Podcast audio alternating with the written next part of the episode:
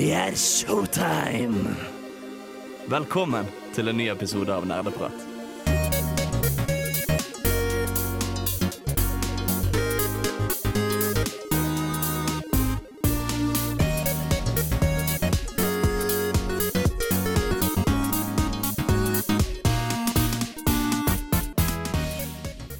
Velkommen til eh, ny sending av Nerdeprat. I studio i dag så finner vi meg og selveste Tai! Så bra. Eh, Håkon er dessverre fortsatt eh, Død. bortreist. Jeg, jeg mener bortreist. Ja, stemmer han er bortreist. Han har tatt seg juleferie og kommer Jeg vet, vet du når han kommer tilbake, egentlig? Nei, jeg vet ikke, altså. Men jeg håper virkelig han kommer tilbake. Ja, på et tidspunkt. Det kan hende vi hører fra han i form av en lydsak eller to eh, på slutten av sendingen, hvis han rekker å klippe dem ferdig i tide. Ja, ja, vi har han med oss, spirituelt i hvert fall. Ja, Uansett, i dag er det nyttårssending. Hva det innebærer, det er jeg egentlig litt usikker på selv. Men vi skal ja, prate litt løst og fast om uh, nyåret, det gamle året. Og ja, ha det koselig sammen. Ha det koselig. Ja. Du får en remake, og du får en remake, og du får en remake. Alle får en remake. Velkommen tilbake til Nerdeprat. Eh, Som vanlig så starter vi sendingen med å prate om hva vi har spilt siden sist. Og Tai, du har, vis- har endelig klart å spille en del siden sist. Ja, altså, det var jo ikke, det var ikke lett, da, men jeg har fysisk tunge Nei da, jeg, jeg har hatt det skikkelig gøy. Ja, Um, av alle ting med gratisspill fra Epic. Jeg har kost meg skikkelig med det. Så bra. Er det noen spe spesielle? Det er en, det er du vet hvilken jeg skal snakke om vår. Det er Neonabyss. Ja. Um, som er sånn ah, Hva skal jeg si, da? Sidescroller? Nei. Sidescrolling, rogelight Altså, det er type Binding Isaac, bare sett fra siden og ikke ovenifra. Mm. Og litt mindre makabert. Ja. Mye mer sånn derre Ja, litt neon. veldig, veldig neon. Ja. Um, ja. Så du Jeg skjønner egentlig ikke hva storyen i spillet er, men du spiller en fyr, eller en karakter, som hopper gjennom baner og dreper guder. Ja, noe sånt. Ja, Det høres egentlig jævlig fett ut, og det er det også. Uh, Koser meg veldig. Uh, men jeg har litt sånn uh, Jeg har både ris og ros til spillet. Uh, OK. Hva syns du jeg burde starte med? Start med risen. Jeg kan starte med risen. Eh, den gjør meg mett. Nei da. Uh, OK. Eh, Fortsett du, Tai. ja, ja, herregud. Du kommer til å få så vondt nå som Håkon ikke er der for å stoppe meg. Jeg kan stoppe deg, vet du. nei. Jeg, jeg styrer mikrofonen din. Oh, you bitch. OK, men ja. Um, ris. Um, versjonen, tror jeg Hvor buggy det jævla spillet er, altså. Jeg har ikke kommet borti noen feil mens jeg har spilt det, men så har vi visstnok ikke spilt samme versjon. Nei, har du spilt uh, Steam-versjonen? Jeg fikk spillet gjennom Ah. Humble Bundle med en Steam-nøkkel Ja. i høst en gang. Ja, det var uh, en bedre deal enn det jeg fikk, selv om jeg fikk det gratis. Og jeg koster meg veldig. Men uh, tingen med Epic-versjonen er at den er annerledes enn Steam-versjonen, og Epic-versjonen er fylt av bugs. OK. Sånne bugs som alle egentlig er blitt retta i Steam-versjonen. Det, det har liksom Epic-versjonen.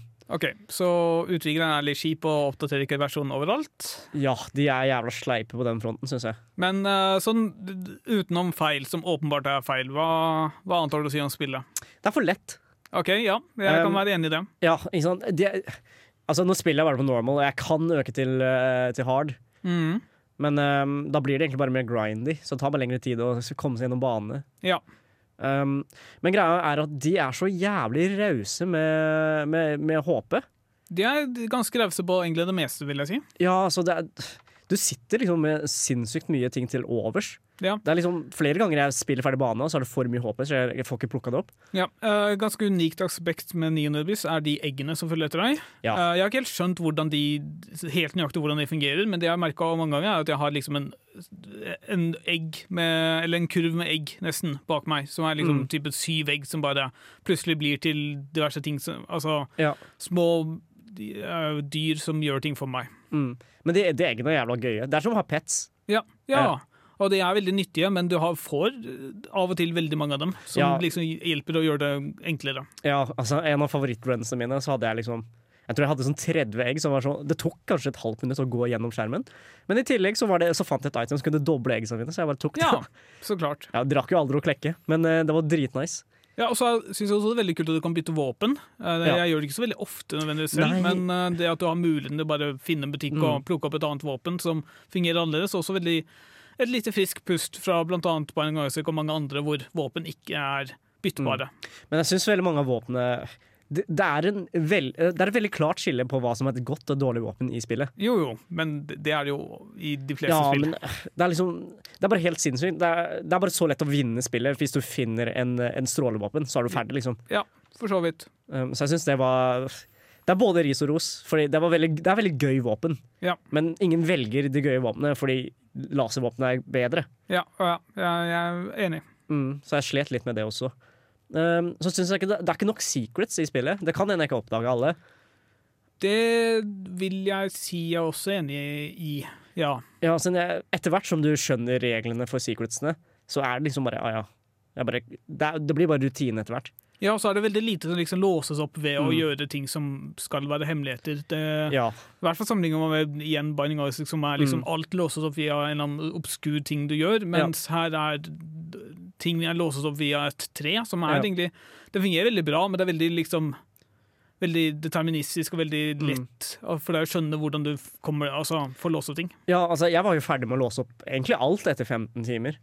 Å ja, du har spilt 15 timer det, du. Jeg har spilt mye mer enn det, men Ja. eh, jeg har jo fortsatt ikke funnet alle våpnene i spillet. Men Nei. de fleste våpnene er egentlig bare en variasjon av en annen, et annet våpen. OK, jeg skjønner. Så det er, det er veldig lite som gir det en unik identitet. da. Er det noe mer du har lyst på å si på tampen før vi tar en ny låt? Eh, til tross for all eh, ris, så er det et veldig gøy spill. da. Det er et veldig gøy spill, Mm. og kanskje bedre hvis du, alle feilene dine blir fikset. Ja. Haha, du aktiverte nettopp mitt trap card. Nå er du nødt til å høre på nerdeprat til episoden er ferdig. Nani? Velkommen tilbake til uh, Nerdeprat, nyttårsspesial. Uh, Tai, du har spilt overraskende mye siden sist. Kan ikke du fortsette fra før låta? Ja, dæven, jeg har faktisk mer, jeg. Eh, jeg har også plukka opp eh, Wizard of Legends. Ja, det er et, også et Rogalight. Eh, som kom ut 2D. for en uh, halv lenge siden.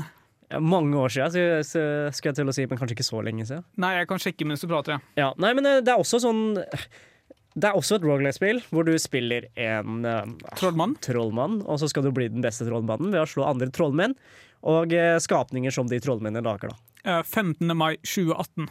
Ikke så lenge siden, Nei, to og et halvt år. Ja. ja. Nei, Nei, tre og et halvt år. snar, ja? Ja. Tre, ja, ja. Herregud. Bård, vi er snart i 2022, mann. Ja, jeg vet. Um, ja, eh, så Ja. Jeg kan kjøre en liten ris ros på denne også. Jeg har Ja. ikke spilt det like mye som Nenobys, men jeg har spilt en god del. Mm. Um, ros slash ris. Det er fucka vanskelig, mann. Det er så Det er så jævlig vanskelig. Og jeg, jeg liker det egentlig veldig godt. Ja.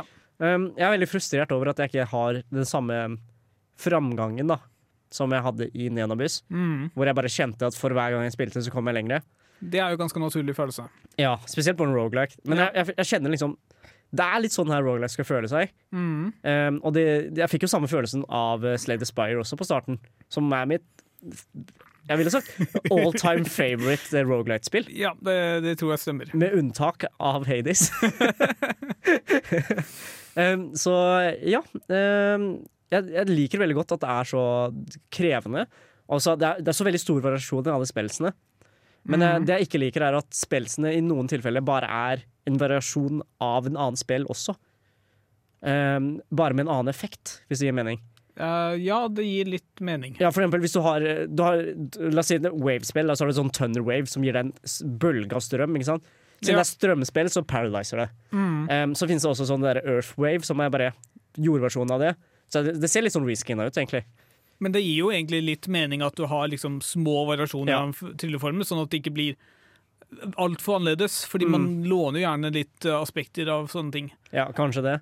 Men eh, det, altså, det funker jo. Eh, mange av spillene er veldig interessante allikevel. Um, men jeg syns bare item vari- varietyen og item effectsene veldig kjedelig. Ja, OK.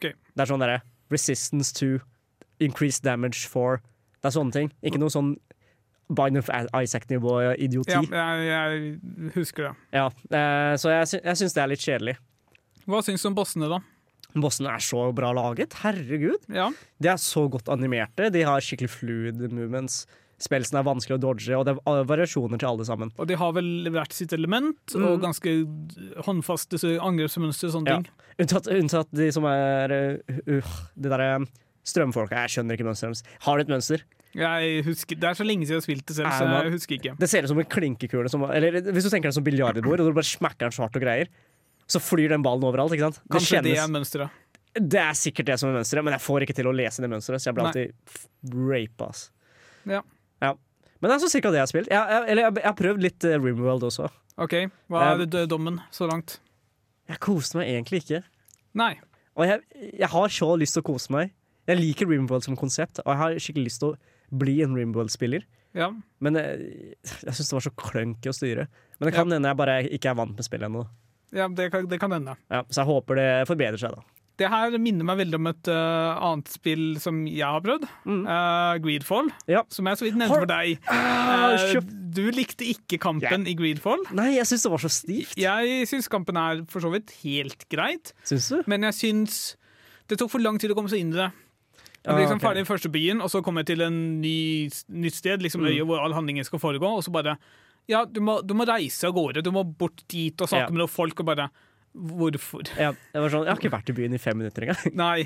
Hvorfor har, ikke, hvorfor har ikke de ambassadører i byen sånn som de hadde i den originale byen? Hvorfor må jeg langt eh, til Gokk og forbi Mm. masse monstre for å prate med en person om hva er status, liksom? Ja. Um, men hva synes du så langt? Liker du spillet? Altså Utenom det så liker jeg det. Jeg, jeg døde på vei til de folka for å prate med dem, og fant ut at eh, nå tar jeg en pause. Og jeg har ikke plukket opp igjen ennå. Mm. Men sånn helhetlig så liker jeg det ganske godt. Det er liksom gode dialoger, gode trær for du kan liksom utvikle deg som karakter, og Ja. alt, uh, spillmekanisk ganske bra. 360 no scope.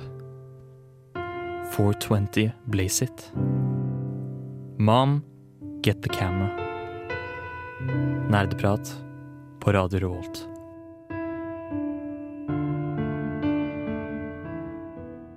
Velkommen tilbake til Nerdeprat eh, her på Radio Volt. Vi prater fortsatt om hva vi har spilt siden sist. Um, ja, jeg har spilt Greedfall, eh, men det som jeg kanskje hadde en enda bedre opplevelse med, var Dragon Age 4 Inquisition. Mm. Den heter egentlig bare Dragon Age Inquisition. Er det det som var Anna sin uh, all time favorite? Anna likte det veldig godt. Ja. Jeg, har, jeg fullførte akkurat prologen før Mm. jeg la det fra meg tidligere denne uken og spilte litt andre ting. Men Mm. det jeg spilte prologen, var bra. Ja. Men hva, hva, uh, hva slags spill er det? Det er et rollespill. Du styrer egentlig, eller hovedsakelig, en ho hovedperson som er liksom deg. Mm. Eh, Jeg husker ikke helt om du har noe spesifikt eh, Du kan gi ditt eget navn, men du har en rolle som liksom Tingen er at det har kommet en uh, slags uh, åpning i himmelen. Mm. Eller åpning til liksom Hva skal jeg si Ikke underverden nødvendigvis, da, men eh, en slags Bare en åpning til en annen Ja. dimensjon, Mm. hvor det kommer monstre ut av. Ja. Så er det tilkobling mellom den åpn de åpningene og et slags merke du har på hånden din, Mm. som du da kan bruke det merket til å lukke de åpningene. OK. Så prologen går ut på at du lukker jeg vet ikke, Du beveger deg over et område, lukker to-tre sånne der, før Mm. du Og det siste er liksom har åpna en stor greie som bare ses i himmelen. ok Men uh, må du ha spilt i forrige for å skjønne Jeg har ikke spilt i forrige. Jeg har, jeg har Dragon Age Origins. Jeg Mm. prøvde til og med å plukke det opp sånn type et år siden, men det gikk ikke. Det var for gammelt. Ja, så, så jeg tenker også Dragon Age Inquisitions, er det den nyeste? Uh, ja, nyeste nyse. Det kom i 2014. Ja, jeg skulle si Det er jævlig gammelt, er det Ja, det er, det er ganske gammelt. Jeg har plukket det opp på PlayStation da det kom ut, og Mm. Spilte det så vidt før jeg ble distrahert av et eller annet. Men Mm. nå er jeg gira på å liksom få prøve å få spilt inn noe ordentlig, fordi Dragon Age-spillene har fått veldig mye ros, Mm. og nå skjønner jeg hvorfor de får så mye ros. Ja. Jeg vet ikke om dette er ansett som det beste, men det er i hvert fall et veldig godt rollespill Mm. som jeg har lyst til å få spilt gjennom hele. Men hvordan holder det seg grafisk? Helt greit. Ja, Det er ikke sånn at jeg merker at det er skikkelig dritt. Mm. Uh, helt greit. For eksempel jeg som spiller Final Fantasy 14. Ja. Jeg har sett dårligere teksturer i Final Fantasy 14 enn i Dragon Age. ja, ok. Foreløpig. Mm. Uh, I tillegg, fordi vi begynner å løpe litt eh, tom for tid, så har jeg også lyst til å nevne at jeg plukka opp Star Wars Jedi Fallen Order. Ah, shit. Som ble liksom solgt til meg som liksom Ja, uh, Dark Souls bare i verdensrommet med Star Wars-tema. Ja. Eh, nei. Ikke? Det er sånn Altså, er har oppfatta Ja, ikke sant? Men det er egentlig bare et rollespill med masse plattformelementer, Mm. hvor kampen er Dark Souls-lignende, men ikke, ikke helt Dark Souls. Fordi Nei. det er veldig mye fo... Altså, du har akkurat samme våpen, eller du har kanskje to-tre våpen da, hvis du virkelig strekker det litt. Og så kan du lære noen forskjellige angrepsmønstre, Mm. men det er liksom ikke noe våpenvariasjon du kan velge selv. Du, ikke du kan ikke si at jeg ville være, gjøre mer skade, annet enn liksom ett ferdighetspoeng eller sånt i treet. Okay. Så litt lite uh, mulig for å egendefinere opplevelsen din. Mm. I tillegg til ja, mye plattforming og mye lettere og veldig mye historie og veldig mye plott og sånne ting. Ja, Så det, det lever ikke helt opp til eh, Dark Souls-stempelet, kanskje? Nei, det gjør ikke det. Det er for mye annet ting. Mm. Men jeg vil fortsatt si det er et godt spill, og jeg koser meg med det. Ja. Er du ferdig med det? Nei, eh, jeg kommer litt videre i dag, faktisk. Kom Mm. forbi. Men jeg har noen problemer også, fordi i dag så hadde jeg en sekvens hvor jeg bare har blitt fratatt våpenet mitt, og jeg, jeg, jeg hater det. Hvorfor skal spill ta vekk våpenet ditt?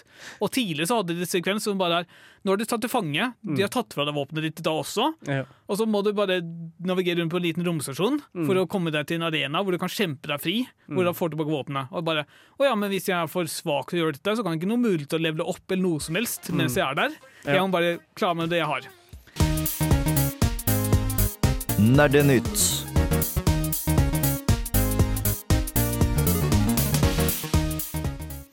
Ingen sending uten litt uh, nerdenytt. Uh, tai, har du noen nyheter å komme med? Absolutt ingen. Nei, da kan jo jeg komme med de jeg har uh, fått med meg. Jeg måtte jo sjekke. Ja, ja, greit. Noe av det kanskje mest interessante som har skjedd uh, siste perioden, uh, det er blant annet at uh, Fancy har hatt en såpass enorm suksess at uh, de har bestemt seg for å slutte å selge spillet. Ja, det er helt sjukt, altså. Så hvis uh, alt har kommet litt som i effekt, det burde det ha gjort innen nå, så er det umulig å oppgradere fra den gratis prøveversjonen av Final Fantasy til fullversjonen.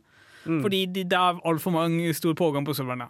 Ja. Jeg er litt usikker hvor lenge det kommer til å vare. Det har de ikke sagt noe som helst om. Jeg håper for deres skyld, mm. både lyttere og for spillselskapet Square Enix, at det ikke var så lenge. Fordi det er jo tapte inntekter og tapt glede av mm. potensielle nye mm, spillere.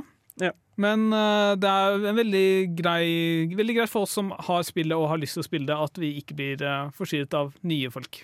Men er det subscription-based, eller er det sånn Det er, betal eh, en gang? du betaler per måned. Altså Først så betaler du Du betaler ingenting for prøvespillet opp til eh, level 60 og to utvidelser og sånt. mm. uh, men du har mindre prioritet i køen enn eh, det de betalende spillerne har. Ja. Uh, etter det så kan du kjøpe faktisk spillet, type lignende samme World of Warcraft. Du kjøper først spillet, Mm. som er en engangskostnad på 400 eller sånn sikkert. Eh, og så betaler du månedlig Jeg husker ikke 10-12 euro Ja. i måneden.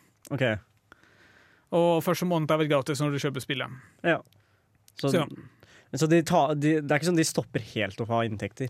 Nei, de har jo fortsatt månedlige inntekter, og Mm. selv Altså, jeg tror de har tjent opp ganske mye ved den store inn, innflukten av folk som kommet i, uh, i år, at Mm. det går fint for dem likevel. Ja, skjønner. En annen uh, nyhet fra samme person, altså Yoshi uh, Nå husker jeg ikke helt navnet, hele navnet hans, men Yoshi P, som han så fint kalles. Mm. Uh, han er jo også ansvarlig for Final Fantasy 16. Ja. Og det var, skulle visst komme noe informasjon om Final Fantasy 16 nå på slutten av året, men han har kommet ut og sagt at det gjør det dessverre ikke. Det har blitt forsinkelser, så det kommer istedenfor utpå våren. Ja. Som er veldig, veldig fint gjort av han, vil jeg si. Eh, Det at man faktisk kommer ut og sier at uh, vi vet vi sa vi skulle gi- komme med informasjon, og dessverre så har vi ikke noe informasjon, men det kommer eh, etter en liten forsinkelse. Mm. Uh, Jeg vet ikke om du har fulgt med så mye på Final Fantasy 16 eller noe som helst? Jeg har ikke fulgt med i det hele tatt, mann. Eh, etter Final Fantasy sånn 12-13 Ja. ish der, og så er jeg bare falt helt. Jeg vet ikke så mye om 16 heller, men jeg tror eh, med tanke på hvor langt ute det virker som det er i utviklingen, så tror jeg vi kanskje kan se an en lansering om type ca. et år, faktisk. Ja, såpass, altså. Ja. Selv om de sa det Men sa de skulle komme i år, eller skulle de annonsere det i år? Det, altså, de har jo annonsert for lenge siden. Okay. Eh, ikke lenge, lenge siden, da, men uh, type, det er kanskje et år siden lansering, lanseringen. eller sånt. Bare Ja. sagt at jeg, er, jeg jobber med det her, og Mm. så kommer det Men de har liksom sagt at det har kommet noen forsinkelser i forhold til leveranser av tekst, altså, veldig spesifikke ting, som tyder på at liksom mye av plottet er fikset allerede, og at yep. mye av liksom grunnarbeidet er gjort, og at de liksom bare mangler eksempel modeller eller Mm. lignende, som er som jeg vil tro er ganske sent i utviklingen. da. Mm. Men jeg syns egentlig det er ganske godt eh, Jeg liker at de sier fra så tidlig, Ja, Ja. Men at de er også- sånn og, det at folk ikke sitter og lurer på hva som Mm. er som skjer, men de bare sier at beklager, det Ja. kommer informasjon om tre måneder, kanskje. Ja. De tar liksom ikke en cyberpunk hvor de bare Det kommer neste uke. Kødda! Ja, ikke sant. Mm. Uh, I tillegg til det så har det vært noen andre nyheter også. Jeg må bare kjappe meg og finne fram til det. Visstnok så var EA i prosessen med å utvikle et Harry Potter-MMO. Ja, du, Det det herregud! lekket, men uh, de uh, skrotet det fordi de Nei. tenkte at Harry Potter ikke hadde noe eh, langvarighet. Brø. Harry Potter? ja.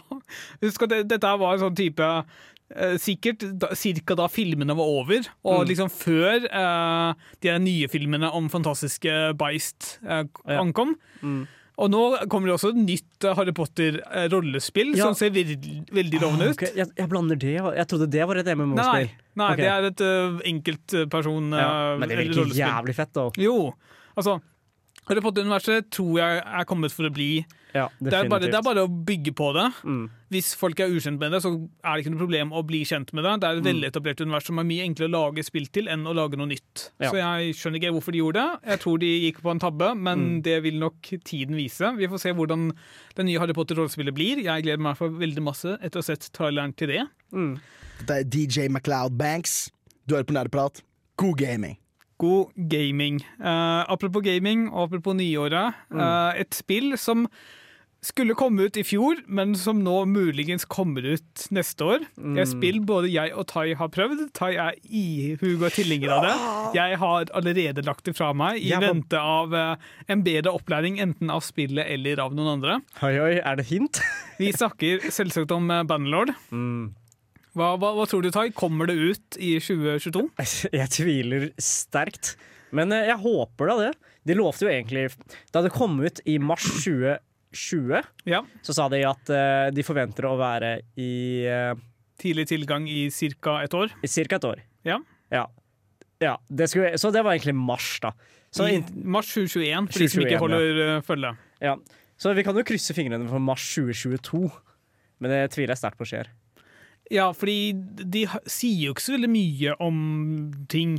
Uh, altså de, eller du som Um. følger kanskje litt bedre med enn meg, har de sagt noe liksom oppdatert uh, kartet på hva, hvor de er på vei hen, og hva de mangler og sånt, før de anser seg ferdig?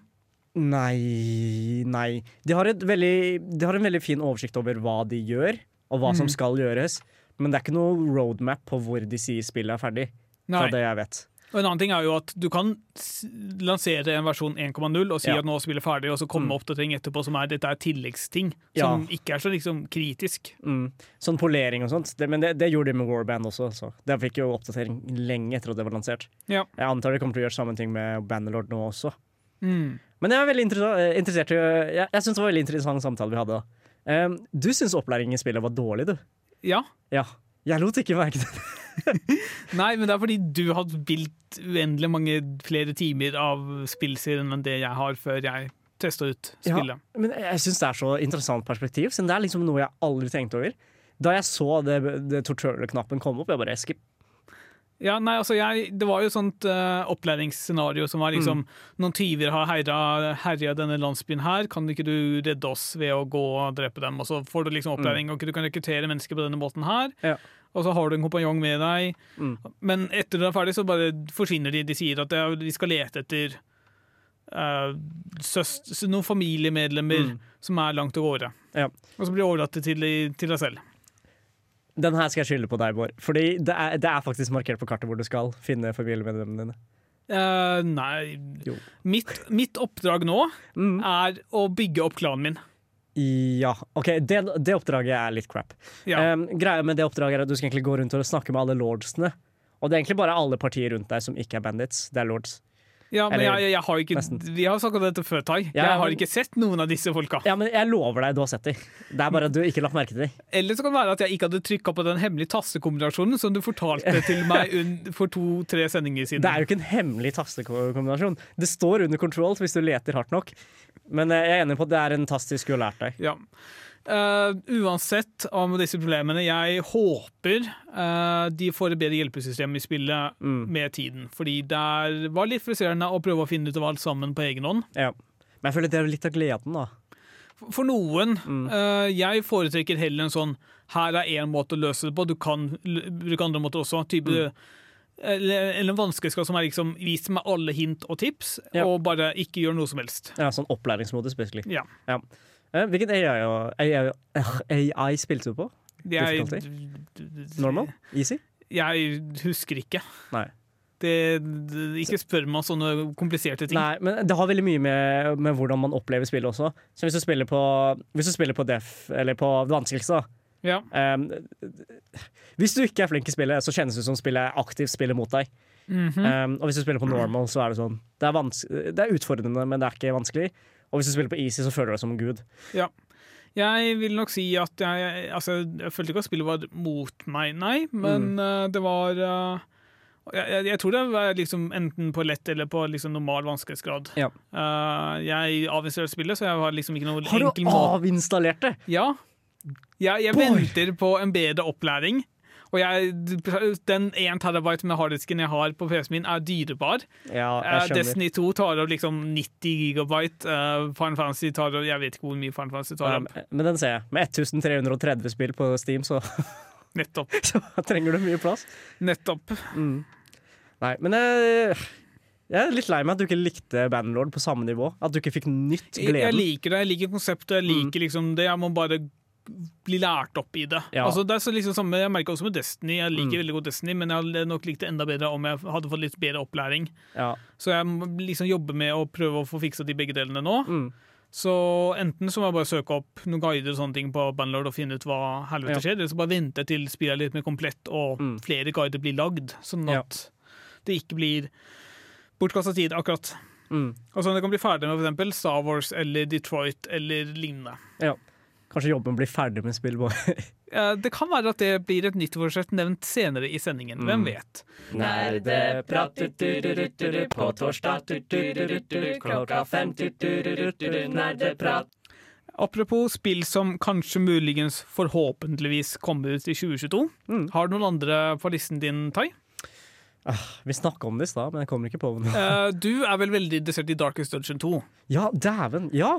Fordi det, det er liksom på enda stadig før Bandlord. Altså, Mm. Bandlord sa at de skal være i uh, tidlig tilgang i ca. et år. Ja. Det har også Darkest Dungeon sagt, men de er nå i det ene året. Ja. Så vil jo tiden vise seg om at det faktisk klarer å bli ferdig eller ikke. Men fra det, fra det de har i spillet nå, så syns jeg spillet egentlig virker veldig ferdig. Det Ja, veldig det virker veldig komplett. Altså, i- Nå vet ikke jeg hvordan Bandlord var da det kom ut for halvannet år siden, men det krasja hvert uh, tredje kvarter. ja. Eh, men jeg, Darkest Dungeon 2 ser jo egentlig knallbra ut allerede. ja, jeg gleder meg masse. Mm. Altså, jeg slet litt med å spille Darkest Dungeon 1, uten Mm. at jeg helt klarer å Jeg tror det var kanskje var fordi uh, de folka mine hadde mulighet til å dø, og det var litt sånn Ja. um, demotiverende å bare miste dem. Mm. Men det, det var verre det, det som var så dårlig med Darkest Dungeon 1, var at når du hadde grinda deg til siste levelet, og når de døde, så måtte du så si starte på nytt. Ja. Um, og da hadde du, på det punktet hadde du investert typ 10-15 timer på de karakterene. Ja. Og det, det gjorde ting veldig kjedelig. Og det tror jeg de har fiksa i Darkest Dungeon 2, eller endret i Ja. Darkest Dungeon 2. Um, Med med formatet som de har lagd i Darkest Dungeon 2 nå, så er det egentlig en rogelight. Det, Ja. det er samme core-konseptet med at du har samme parti som går inn i dungeon og utforsker, Mm. eller jobber deg videre mot et mål. Det er fortsatt det samme. Men jeg, jeg var veldig skeptisk i, mot uh, rogelight-formatet som de hadde på starten. Men jeg, jeg liker det, altså. Ja, så Ja. bra. Eh, det er absolutt mulig at det kommer ut eh, i 2022. Et annet spill som jeg er veldig sikker på at kommer ut i 2022, er Rogue Legacy 2. Det har vært eh, i tidlig tilgang ganske lenge allerede, og begynner å nærme seg liksom, De har sagt nå at nå er det bare siste finpuss igjen. Ja. Så type, kanskje type februar-mars kommer det ut. Hva slags type spill var Rogue Legacy 2 er en ganske typisk rogelight. Mm. Jeg vil kanskje sammenligne med Neon Abyss, bare at istedenfor liksom flere etasjer og liksom nivåer, så Mm. har du et gigantisk slott og med liksom tilhørende og mein som å utforske. Ja. Det, liksom det som er et ganske interessant konsept med det, er at du har liksom en forfedrelinje. Ja, det var det, ja. Når du dør, så kommer Mm. du liksom kommer du som et barn, Ja. og da kan du velge mellom eksempel tre for- potensielle barn som Mm. kanskje har forskjellige klasser og forskjellige Ja. liksom, uh, genetiske ting som de har arvet. For eksempel kan det ene være det at den uh, krisemaksimerer alt. Den Mm. liksom sier at 'å ja, jeg tok 9999 skader', selv om det egentlig tok fem. Så jævla lættis! Uh, ja, veldig morsomme sånne ting. Eh, I tillegg kan du liksom eh, oppgradere liksom eh, Hva skal jeg si eh, gå, eh, Hovedgården din, liksom, eh, utenfor. Du Ja. kan låse opp nye klasser og sånt med det, og liksom eh, bygge opp ferdighetene med det. Få mer styrke, få mer liv, sånne ting. Mm. Og låse opp våpen sånn at du da også kan oppgradere på havna før du liksom krysser vannet for å komme inn i den, det slottet som du da skal liksom prøve å erobre. Ja. Men det er en sidescroller Uh, spill Rogue Legacy 1, veldig bra spill. Mm. Cirka det samme. Rogue Legacy 2 er bare en bedre versjon av det. Ja. Så kanskje også kjøp Rogue Legacy 2 nå som det snart er ferdig. Det, du vil ikke angre på det om du liker den type spill. Mm. Men Rogue Legacy 1 er også veldig godt, som du kan godt kan kose deg med før toeren kommer ut. Eh, litt sånn fun question også, Bård. Ja. Tror du Cyberpunk 2077 blir ferdig i 2022? Uh, hva er det de har sagt nå? De har vel sagt at uh, det ikke kom noe mer ut av oppdatering i år, som er åpenbart fordi det er to dager igjen av året. Men uh, kanskje. Jeg vil, jeg vil tro at et, et, et, Nå har det gått et år cirka, Mm. og de har fiksa mye. Og jeg tror at et år til vil de liksom kanskje komme i havn dersom det blir prioritert nok. Ja. Jeg, jeg vil tro det. Jeg håper det blir ferdig. Men så er spørsmålet liksom, hva, hva setter de seg som mål? Hva er liksom ferdig? Er det type når alle feilene er fikset, eller Mm. når de har implementert ting de kanskje ønsket å ha implementert, eller som de halvveis lovet? Jo. Det vil jo tiden vise. Mm. Men jeg tror uh, kanskje du kan komme tilbake til Cyberpunk på slutten av året og bli uh, gledelig overrasket. Jeg håper det. Siden jeg er for så vidt ganske ferdig med spillet for nå. Ja. Eh, og sånn, På tampen så vil jeg også nevne et annet spill som jeg har plukket opp under julesalget, Last Epoch, som er en eh, Diablo-lignende spill. Som forhåpentligvis også kommer ut uh, tidlig i 2022, er planen. Jeg håper i hvert fall det. Jeg har kost meg mye med det i julen, og håper det blir bra. Kan ta tronen til Perfexal, som jeg hater, men likevel har brukt alt, alt av alt for mye tid på, som Tai så fint påpekte forrige sending. Mm. Uh, vi skal nå høre en uh, ny låt før vi snakker litt videre om uh, helt nye spill som uh, skal visstnok komme ut i 2022, uh, hvis ryktene stemmer. Ohayo, minisan, konnichiwa. Du hører på Nerdeprat, nja-nja. På Radio Revolt, desu ne. Uvu. Andre spill som kommer ut som er helt nye, Tai. Har du noen uh, store forventninger? Er det noe du venter på og lengter etter? Venter og lengter og um, Jeg syns fortsatt uh, De annonserte det på Game Awards. Nightingale, tror jeg det het. Ah, ja. Eh, Du har sikkert ikke fulgt med i det hele tatt. Du har, du har nok av MMO-er for tida, du. Ja, stemmer. Men jeg syns det virka jævla fett. Victorian Punk. Eh, digger det. Det høres veldig kult ut, ja. Ja, og jeg, jeg er egentlig veldig spent på hvordan det, det blir. Jeg er i hvert fall veldig klar for en ny MMO da i livet mitt. Eh, har du hørt om Final Fantasy 14, det kritikerroste spillet hvor du kan spille helt opp til level 60 med en ekstra utvidelse helt gratis? Oi, Bård, så jævlig gøy! Hvor kjøper jeg det? Nei, vent. Nei, vent. Uh, du kan, du kan ha prøveversjonen. Den Nei. er ikke begrenset. Nei. Men uh, ja, jeg er klar for en ny MMO eh, som ikke er Final Fantasy. Ok, Ja. Eh, jeg syns vi likevel skal prøve Final Fantasy. Eh, for min egen del, jeg er nok eh, mest spent på Elden Ring, selv om Mm. jeg har fulgt med null og niks på det overhodet, fordi jeg Ja. prøver ikke å spolere meg selv. Mm. Jeg kommer ikke til å spille det når det kommer ut heller, fordi da er det sikkert altfor dyrt. Jeg kommer nok til å vente opptil et år før Ja. jeg faktisk spiller det. Jeg har en kompis som har satt det som favorittspillet sitt allerede. Ja, så klart. Mm. Uh, Noe annet så interessant å nevne er jo også uh, Pokémon Legends. Uh, første Pokémon, jeg tror det er første Pokémon-spillet som skal foregå i 3D.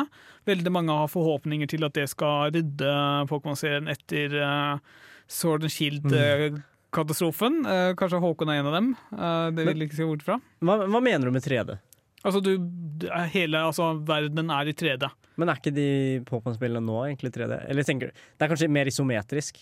Uh, ja, noe så, altså Tingen er at Jeg, jeg har ikke fulgt med så nøye. Jeg bare vet at du er faktisk en tredje eh, verden lignende Breath of the Wild-type. Såpass 3D? Ja, Ah, ikke at du bare går rundt Mm. på et 2D-plan, og så tilfeldigvis er det noen trær og sånt ved siden av. skjønner. Men hva gjør du med Pokémon Combat, da? For Blir det fortsatt turbasert? Jeg vet ikke. Jeg bare vet at veldig mange har store forhåpninger til det.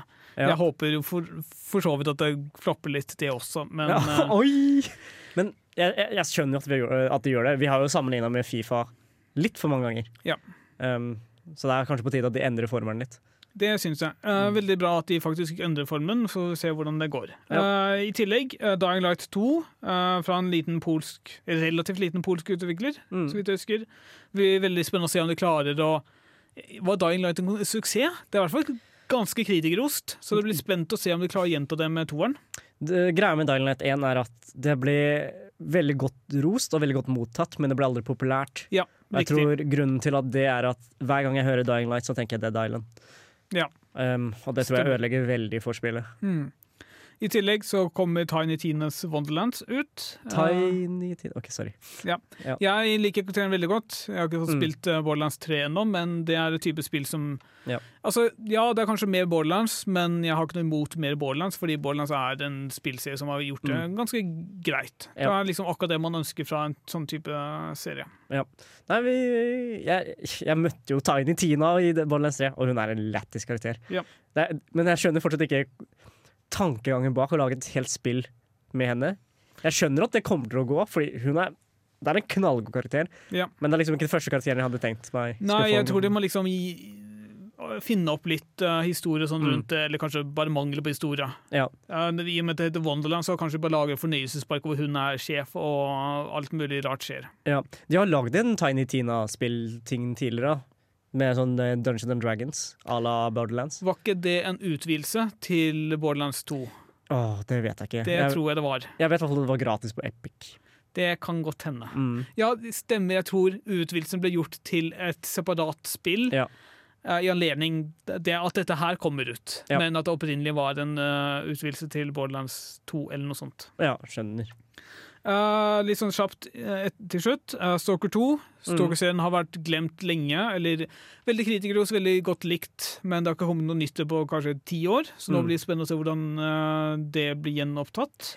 Det har jo vært veldig mye kontrovers rundt NFT og lignende med det Mm. spillet.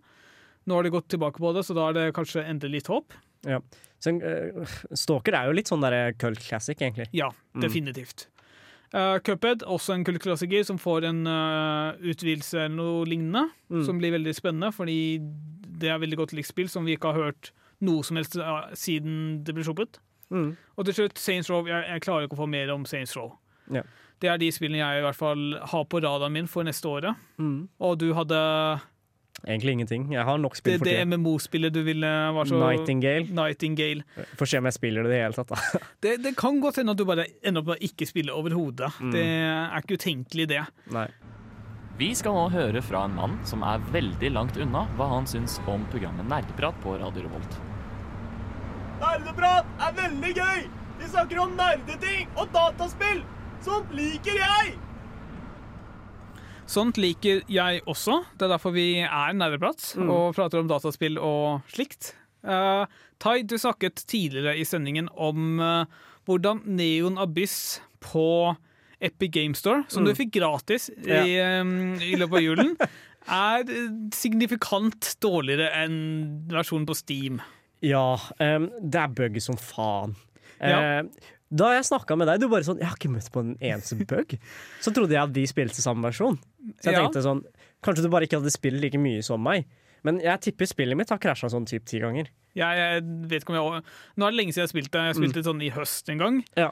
Uh, jeg, men jeg kan ikke Jeg vet ikke om jeg har opplevd en eneste feil eller krasj eller noe sånt. Nei, uff, jeg opplevde veldig mange. Så det var sånn um, Jeg advarte jo spesifikt mot et item. Det er et item som bare dropper helt random. Det heter tickets. Altså en billett til en alternativ dimensjon eller noe sånt. Ja, fordi, det var basically bonuslevel. Ja, Riktig. Så hver gang du plukker det, tenker det er fire forskjellige tickets, og én av dem eh, funker. Og de tre andre bare Det softlocker deg i spillet. Ja. Så det er sånn um, Du løser puzzlen i den banen, og så får du ikke komme deg videre. Mm. Og det bare suger. Fordi hver gang Du plukker opp mens du spiller. Det sånn, det dropper av en fiende helt randomly. Ja. Så midt i kampen er det sånn OK, shit, jeg bare plukker opp denne mens jeg slåss. Så finner du ut ah, shit, jeg plukka opp feil item. Mm. Og så er du stuck. Du vet bare at uansett hvor bra run du har hatt, så er du fucked. Ja. Jeg synes det var veldig interessant. Da du kom med dette først, så sa du at bare hvor dårlig Epic er som uh... Ja, jeg tenkte sånn Det må jo nesten skylde Jeg, skyldte på Epic fordi um, det, er, det er ingen måte å holde utviklerne uh, ansvarlig på da På Epic-plattformen, i og med at de ikke har noen reviews. Nei. Um, så det burde vært et review-system. Men du har overtalt meg til at det er det mindre onde her. Det, er- det er større onde ting som skjer i bakgrunnen. Altså, jeg tror ikke Epic har noen mulighet til å Og for det første, uh, når du tenker på stor spillplattform Mm. det er ganske vanskelig for dem å vite om en oppdatering har kommet. Ja, men uansett så syns jeg um, På Steam, for eksempel, review-systemet på Steam funker knallbra. Det gjør det. Um, fordi jeg baserer veldig mange av valgene mine når jeg kjøper spill. Sånn, er det crap, så ser jeg på reviewsa først. Ja. Hvis jeg er usikker, så ser jeg også reviewsa først. Og hvis jeg liker spillet fra før, så ser jeg reviewsa bare for en liten confirmation bias. Ja. Bare for, å- for å føle meg litt bedre. Um, men den muligheten har du ikke på Epic. Um, så jeg skal ikke skylde på for Epic fullstendig her, fordi uh, hva, hva kalte du den? Vivo? Vivo? Uh, Studios? Nei, eh, ja. som var utvikleren til eh, Neonabys. Eh, veldig gode utviklere. De laget et fantastisk fint spill. Men jeg syns det er jævlig sleit av dem å bare oppdatere på Steam, eller Ja. eh, og bare la være å oppdatere Epic-versjonen. Men Det det kan også være utgiveren sin feil. Jeg er litt usikker om Ja. det er Team 17 eller om det er Vivo. Nei, men det er i hvert fall én av de. Ja. Det er noen som har gjort feil her. Men dette her har jo vært et problem ganske lenge. Mm. Uh, GOG er en ganske populær plattform sånn uavhengig av alle andre. Mm. Og selv der har det blitt rapportert om at det blir behandlet som uh, liksom andrerangs. Uh, altså, tingen er at G, uh, GOG er veldig bra fordi den tilbyr varer uten DRM. Mm. Men mange utviklere bare igjen, la være å oppdatere spill på det, eller la være å implementere ting som de også støtter for. For Mm. eksempel, de har også mulighet til å legge inn en anmeldelse, men altså, volumet av anmeldelser er mye lavere der fordi den er Mm. mindre populær spillplattform. Men allikevel så er det masse spill som bare ikke blir oppdatert, eller bare å ja, på Steam så har du mulighet til å få oppnåelser, for eksempel. Det, Selv om GOG har støtte for det, så Mm. har, ikke de blitt, har det ikke blitt implementert det på GOG. Ja. Så det er bare masse utviklere eller utgivere, jeg vet ikke helt hvem som har skylda, som bare Mm. ikke gidder. Ja, men jeg føler det er bare så sleipt. Det kjennes bare ut som en cash grab. Jeg bare laster opp der, så andre kan kjøpe det. Og så. Ja, det, det er nettopp det føles. Mm. Så jeg føler meg veldig bedratt, sånn sett, selv om jeg ikke betalte en jævla krone. Jeg husker, jeg husker ikke helt nøyaktig hvilke spill det var, men det var Mm. liksom, jeg gikk på forumet og bare Ja, nå er liksom versjonen på Steam Mm. kanskje én eller to versjoner foran. Når kommer dette her til GOG? Og bare Nei, det, det vet vi ikke. Mm. Men det, det er bare litt sykt med tanke på at når du har lagd et spill på PC, Ja. så kan du egentlig bare laste opp på en annen store også. kan du ikke? Jo, du må kanskje integrere med liksom plattformen for å gi oppnåelser. og Mm. liksom, liksom Det at Steam kan vise at nå er, gjør du denne aktiviteten her i spillet, det Ja. tror jeg er ganske spesifikt for plattformen. Men utenom det så er det egentlig bare å laste opp på tvers av dem. Bytte Ja. ut noe DRM og sånne ting. Mm. Men det blir ikke noe problem. En annen ting jeg har lagt merke til i julesalget, er at noen få butikker Mm. har faktisk eh, For de som ikke vet om det, var en masse stor kontrovers med The Sinking City, Mm. som var utviklet av Frogware, som hadde masse eh, En konflikt med utgiveren sin. Mm. Så på Steam så kan du kjøpe den versjonen utgiveren har lagt ut, men Mm. hvis du går på visse andre nettsider, så kan du få tilgang til nøkkel fra Frog, altså utvikleren sin nettside, og laste ned spill der, som liksom er det som tildeles den ordentlige versjonen. da. Ja, skjønner. Og det er også sånn type sånn merkelige ting som skjer bak kulissene på spillmarkedet, som bare er frustrerende. Mm. Jeg skulle ønske at sånne ting bare ikke skjedde. Mm. Og apropos unødvendig tåpelige ting som eh, skjer etter eh, låt, skal vi prate litt om året som var, de store nyhetene, hva som var bra, hva som var dårlig, og sånne ting. Oberst, jeg prøver å snike meg forbi vaktene, men lyden av min rumpeblafreng distraherer dem fra å lytte på nerdeprat. Det stemmer, ikke bli så helt av rumpeblafring. Uh, vi skal prate litt om uh, året som var, altså 2021. Mm. Kanskje starte litt med det negative for å bare få det unna først. Det har vært uh, mye medieoppslag og generelt uh, ukultur rundt uh, visse spillselskaper. Som ikke skal nevnes, eller som skal bare kalles Nei, for Blizzard? jeg Nevn det i fleng, holdt på å si. Ja. Uh, Blizzard er jo den store stygge ulven uh, dette året. Men jeg syns de har falt som faen. Altså. Ja, altså, det har de gjort fra før av. Mm. Altså, det, Diablo Immortal HD eller noe sånt? Uh, altså Diablo 2 tro altså, Nei, men det der er mobilspillet. Diablo Immortals, ja. Ja. Ja. Don't you have phones? Ja, men, ja, det var lenge siden. Men altså, ting er at det eneste Hva skal jeg si, det eneste håpet de eh, Blizzard har akkurat nå, Mm. er Overwatch 2, som ingen egentlig vet når kommer ut, fordi det har vært snakket om i en evighet. Jeg tror egentlig ingen bryr seg om Overwatch 2. Jeg Kanskje. Uh, jeg er litt usikker selv, fordi Valorant uh, har tatt Mm. over en stor del av uh, spillebasen der, vil jeg tro. Mm. Men altså, likevel, det er, liksom, det er det eneste som kanskje kan ha noe å si. Mm. Og så er det Diablo 4. Ja. Altså ikke mobilspillet, men den nye, faktiske, ordentlige isolasjonen av uh, Diablo. Jeg liker om du må spesifisere, ikke mobilspillet. Ja, fordi det var det du snakket om Ja. først. Jeg skjønner. Uh, jeg har ikke hørt noe om Diablo 4, egentlig. Nei, det er under utvikling, det også. Ja. Det er fortsatt du- usikker dato. Tror du det blir sånn siste håpet for uh, Altså, det, det er de to spillene. Altså, jeg tror World of Warcraft, selv om det ikke er helt dødt, så Mm. er det nesten dødt. Det burde Eller det, mm. Diablo Nei, World of Warcraft fortjener å dø, selv om det kanskje ikke kommer til å dø. Mm.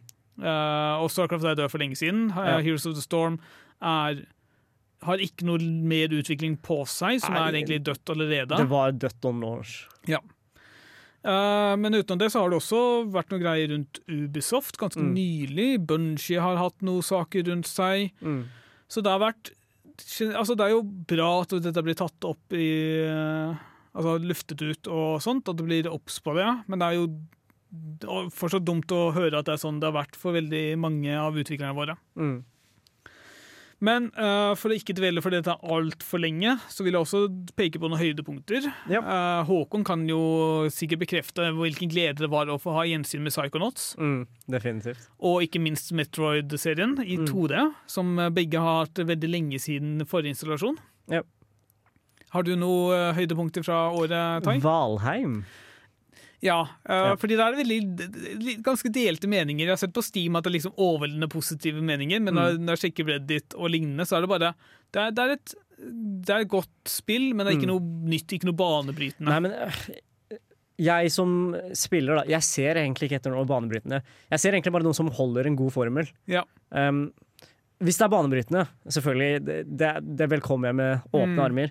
Men det er liksom ikke det jeg ser etter. Jeg vil ikke at det skal være banebrytende for å være banebrytende. Um, da vil jeg heller bare ha et spill som holder seg til det gode gamle, og så bare gjør dette på en veldig god måte. Ja. Forhåpentligvis med sin egen twist eller sin egen spinn på det, men det er ikke et krav at det må være mind-blowing.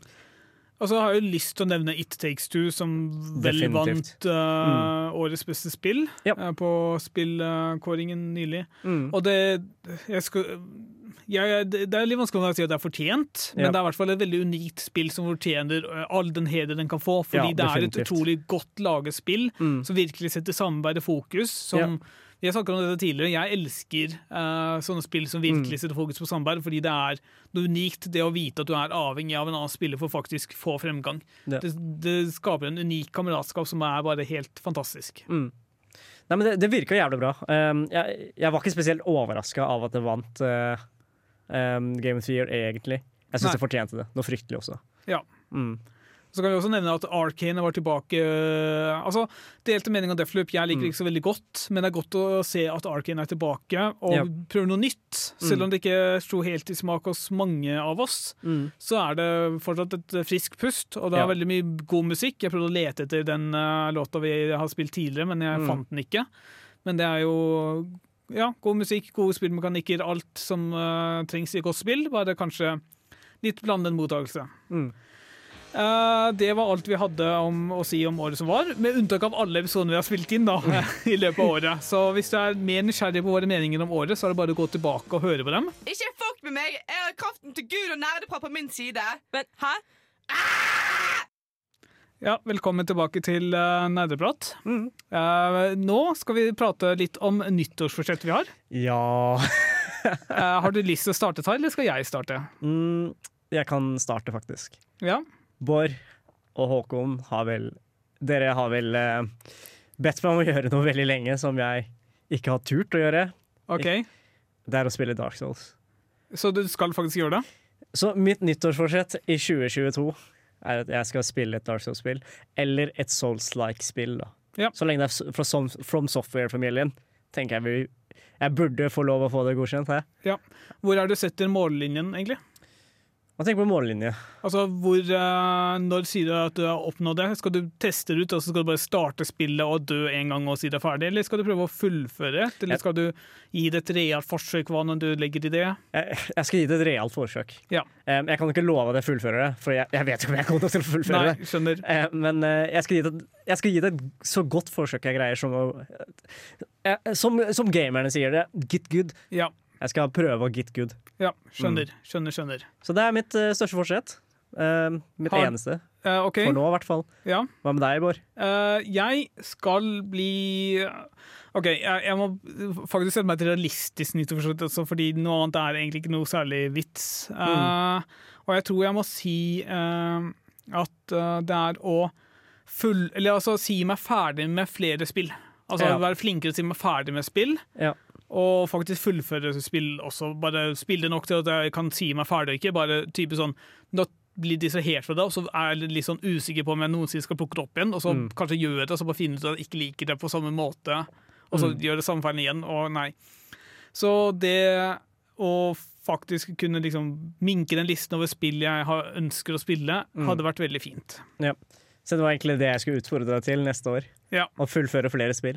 Ja, Men- eh, det jeg vet. På, på motsatt side, jeg kan, jo, jeg kan jo bygge min på din og si at jeg skal prøve flere nye spill. Ja, men altså, fordi det har jeg merka nå i det siste, at det er utrolig morsomt. Altså, du, du skaper mye mer bredde ved å bare Mm. prøve spill og bare finne ut ok, det her liker jeg ikke pga. det og det. Og så Ja. det, gjør det mye, mer, mye enklere å sammenligne spill og liksom gi en god beskrivelse av spill og sånt, Mm. ved å ha mer referansepunkter. Ja, definitivt. Um, jeg for min side har jo alltid vært veldig dårlig på å starte på nye spill. Jeg fullfører de jeg har, da, Ja. som regel. Eh, Og spiller kanskje også etter du har fullført dem. Litt for lenge etter at jeg har fullført Ja. dem. er kanskje um, en ting som jeg gjør litt for ofte nå. Um, men forhåpentligvis skal jeg bli flinkere til å begynne på nye spill. Ja, og et litt mindre altså Et nyttårsforsett jeg tviler på at jeg egentlig helt klarer å holde, er Mm. at jeg skal prøve å kjøpe færre spill som bare aldri blir spilt. Jeg syns du skal kjøpe så mange spill du bare vil. Bare Støtt utviklerne våre. Men de blir jo ikke spilt. Nei, men det går fint. Støtt utviklerne våre. Ja, jo, for så vidt. Eh, kanskje jeg skal gjøre det, kanskje ikke. Jeg er eh, Vi får se hvordan det går med dette året. Ja. Men da har du i hvert fall hørt våre nyhetsforsett. Jeg er litt usikker på om Håkon kommer med sine i, et, eh, i en lyssak, eller om vi kanskje får det når han er tilbake i studio på et tidspunkt. Mitt navn er Bare Egil. Du hører på radio Revolt på internettmaskinen din. Det er endelig tid for eh, litt eh, innslag fra Håkon. Han har sendt oss to lydsaker. Ganske jeg vil si ganske hva skal si, passende lengde på lydsakene. Mm. Veldig imponerende arbeid han har lagt inn. Eh, Så da bare setter vi i gang og hører hva han har å si. Hei, alle sammen. Det er deres kjære, vakre, kjekke, flotte, søte, gøye Håkon Sundby på mikrofonen her nå. Som dere sikkert hører på lydkvaliteten, så er ikke jeg i studio. Jeg er heller hjemme i min residens i Fredrikstad, hvor jeg har spilt videospill og drukket gløgg og ja, hatt juleferie. Men jeg klarer jo selvsagt ikke å la være, så jeg må jo delta på en eller annen måte. Hva jeg har spilt i juleferien, får dere vente med å høre om til nyåret, for jeg skal heller snakke om alle de kule, nye, fete spillene som jeg aller mest ser fram til det kommende året. Men først vil jeg bare starte med å si at det er en del åpenbare kandidater her jeg ikke gidder å snakke om. Rett og slett fordi de er, ja, altfor lette valg. Jeg trenger ikke å fortelle dere om hvor mye jeg gleder meg til f.eks. Elden Ring, God of War Ragnarok eller Breath of the Wild 2, for jeg føler det allerede er veldig åpenbart. Og vi kommer garantert til å snakke om de når den tiden nærmer seg. Jeg vil ikke nevne dem, da de er selvsagte spill jeg absolutt ser fram til, og jeg føler det er en god pekepinn på hva slags spillår 2022 kommer til å være. Altså trolig et veldig bra et. Uansett, her er de spillene jeg ser mest fram til i 2022. Og 2022 starter sterkt med et jævlig hardt kung fu-slag til trynet med Sifu. Sifu er et action beat em up-type spill laget av de som har laget spillet Absolver, og kan best beskrives som om filmen The Raid og filmen Highlander fikk en baby. Det er en kampsport-type combat med masse dybde, som ser intenst og engasjerende ut, og revet rett ut av alle de dritfette kung fu-filmene du så som liten. Det som derimot gjør at Sifu skiller seg ut, er at hver gang du dør på et nivå, kommer karakteren din tilbake litt eldre, hvor du har litt mindre liv, men slagene dine gjør mer skade. Jeg liker denne mekanikken veldig godt. Det er et utrolig kult og smart system som oppfordrer tålmodighet og læring av fiendemønstre, men likevel lar deg gå fullstendig ham når du har fått teken på det. Hvis du liker actionspill, bør du med andre ord ikke gå glipp av dette. Det kommer ut i februar. Og mens vi snakker om beat em up-spill, så må jeg snakke om Bayonetta 3. Fuckings endelig så er det her, liksom. Vi fikk endelig se noe nytt. Og det vi fikk se, det var store kaiju-fights. Dritkult. Bayonetta, altså karakteren for de som ikke vet, er en Umber Witch. Hun kan altså tilkalle gigantiske demoniske skikkelser og kontrollere disse. Men i tidligere spill har dette bare vært knyttet til quicktime events. I dette spillet er du i kontroll når det er store kaiju fights, som jeg føler gir veldig mening for utviklingen av serien. Spillet prøver jo konstant å gi deg en sterk power fantasy av at du er en ustoppelig kraft. Du er allmektig, og du får føle det enda mer når du faktisk styrer det store beistet, framfor å bare se dem gjøre ting. Bayonetta-gameplay er jo også fra før av hacker-slash-gameplay gjort nesten helt perfekt, med en utrolig god rytmisk flow til seg, hvor du danser rundt fienden og ser sykt stylish og hot ut mens du gjør det. Så jeg tror uansett det kommer til å bli dritfett. Nå, over til noe helt annet, vil jeg kjapt nevne spillet Dragon Ball The Breakers. Dette er et asymmetrisk spill hvor én spiller er i kontroll av Dragon Ball-slemming selv, mens resten styrer vanlige mennesker. Målet til menneskene er å overleve lenge nok til at de kan aktivere tidsmaskinen og sende selv tilbake til framtiden, mens selv sitt mål, enkelt og greit, er å utslette alt.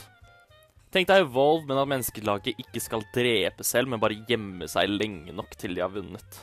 Og dette spillet ser fullstendig kaotisk ut. Det skjer ting hele tiden, og å bli satt i det perspektivet av å være en helt vanlig person mot en supersterk Dragon Ball-slemming som når som helst kan bare ødelegge hele området du er i, er noe jeg syns fungerer overraskende bra for en kaotisk multiplayer.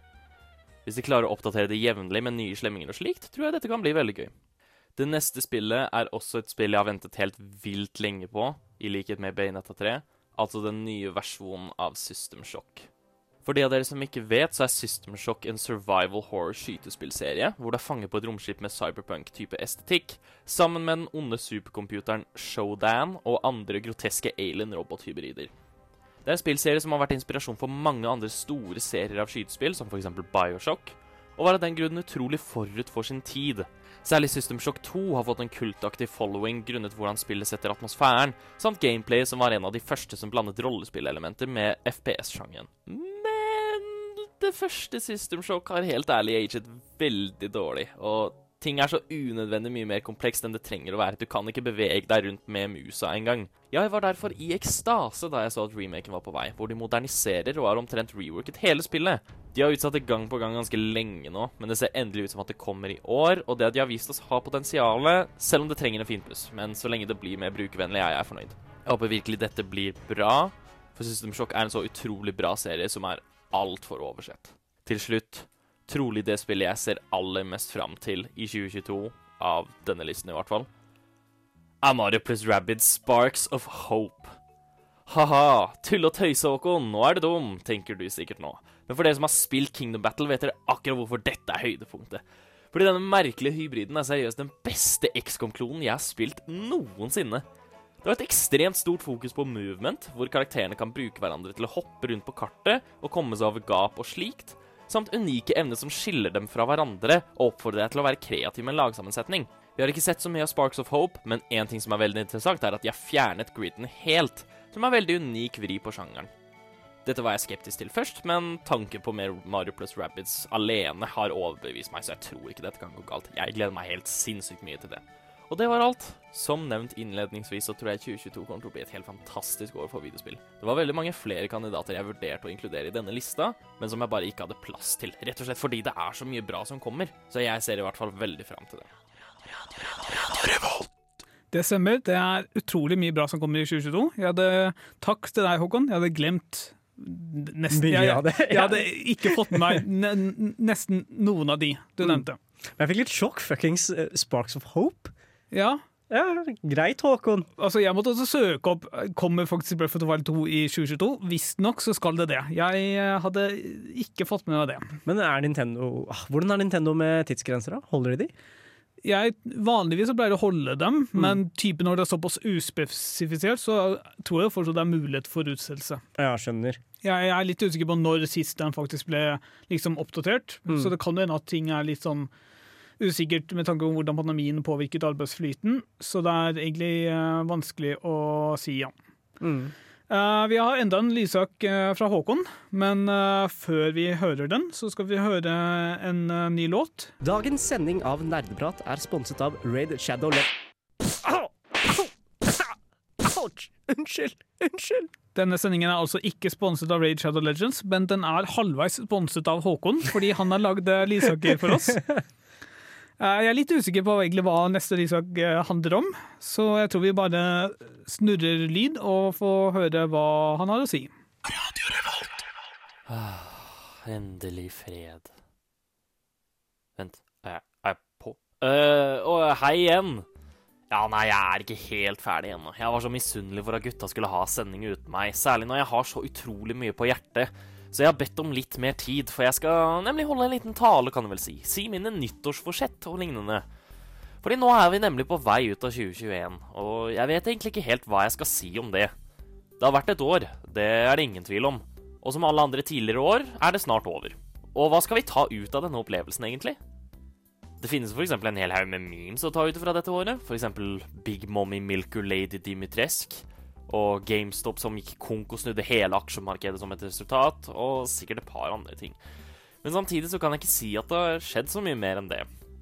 Jo, selvsagt, det har kommet videospill, men tenk på alle de opplevelsene jeg har gått glipp av, rett og slett fordi jeg er en udugelig gamer. Men nå er det altså et nytt år. 2022 er på vei, og det vil jo i likhet med 2021 også være et år hvor det kanskje muligens skjer ting. Et nytt år med nye muligheter, og det må jo naturligvis gripes. Nyttårsmottoet er Carpe Diem nå. Men hvordan skal jeg gripe dagen og oppleve årets øyeblikk best? Jo, først vil jeg starte med å slutte å spille League of Legends. Det spillet tar opp litt for mye tid i min hverdag, og jeg liker det ikke spesielt godt engang. Det er et av de få videospillene som får ut ekte aggresjon av meg, og det er jo ikke særlig sunt. League of Legends er heller ikke et sted hvor øyeblikk skapes, det er i grunnen den samme opplevelsen hver eneste gang. Hva er uansett poenget med å sitte og spille det når jeg heller kan ta meg en øl med kameratene, eller spille hvilket som helst annet spill som gir meg mer glede? Jeg vet likevel at dette ikke er et realistisk mål å sette seg, så mitt mål er heller å spille litt mindre League of Legends. Kall det kompromiss med den giftige delen av hjernen min som forteller meg at jeg må spille spillet. Den får litt glede, mens den fornuftige siden av meg får litt mer tid til å gripe dagen. Hva skal jeg så bruke denne tiden på? Bli proff i et videospill, selvsagt. Jeg vil tjene cash. Jeg skal bli rik. Og da må jeg jo naturligvis være god på et eller annet. Videospill faller inn der, og jeg vil derfor bruke mer tid på å bli god i et videospill. Jeg tenker jeg gjerne vil bli god på noe som har intense mekanikker med mye dybde, og som har et stort skill-ceiling. Tekken 7 eller Mario Party er derfor gode kandidater for dette. Jeg anerkjenner derimot at jeg ikke har tålmodigheten til å kun spille ett spill over lengre tid, og jeg velger derfor heller å si at jeg skal bli sånn passe god i det utvalgte spillet. Jeg har jo en litt sta personlighet, så jeg har sikkert nok gusto til å lære meg mer avanserte teknikker, men ikke nok tålmodighet til å lære meg hvordan jeg faktisk bruker det. Så kanskje ikke helt bli proff, da, men i det minste nok til at jeg kan flekse litt.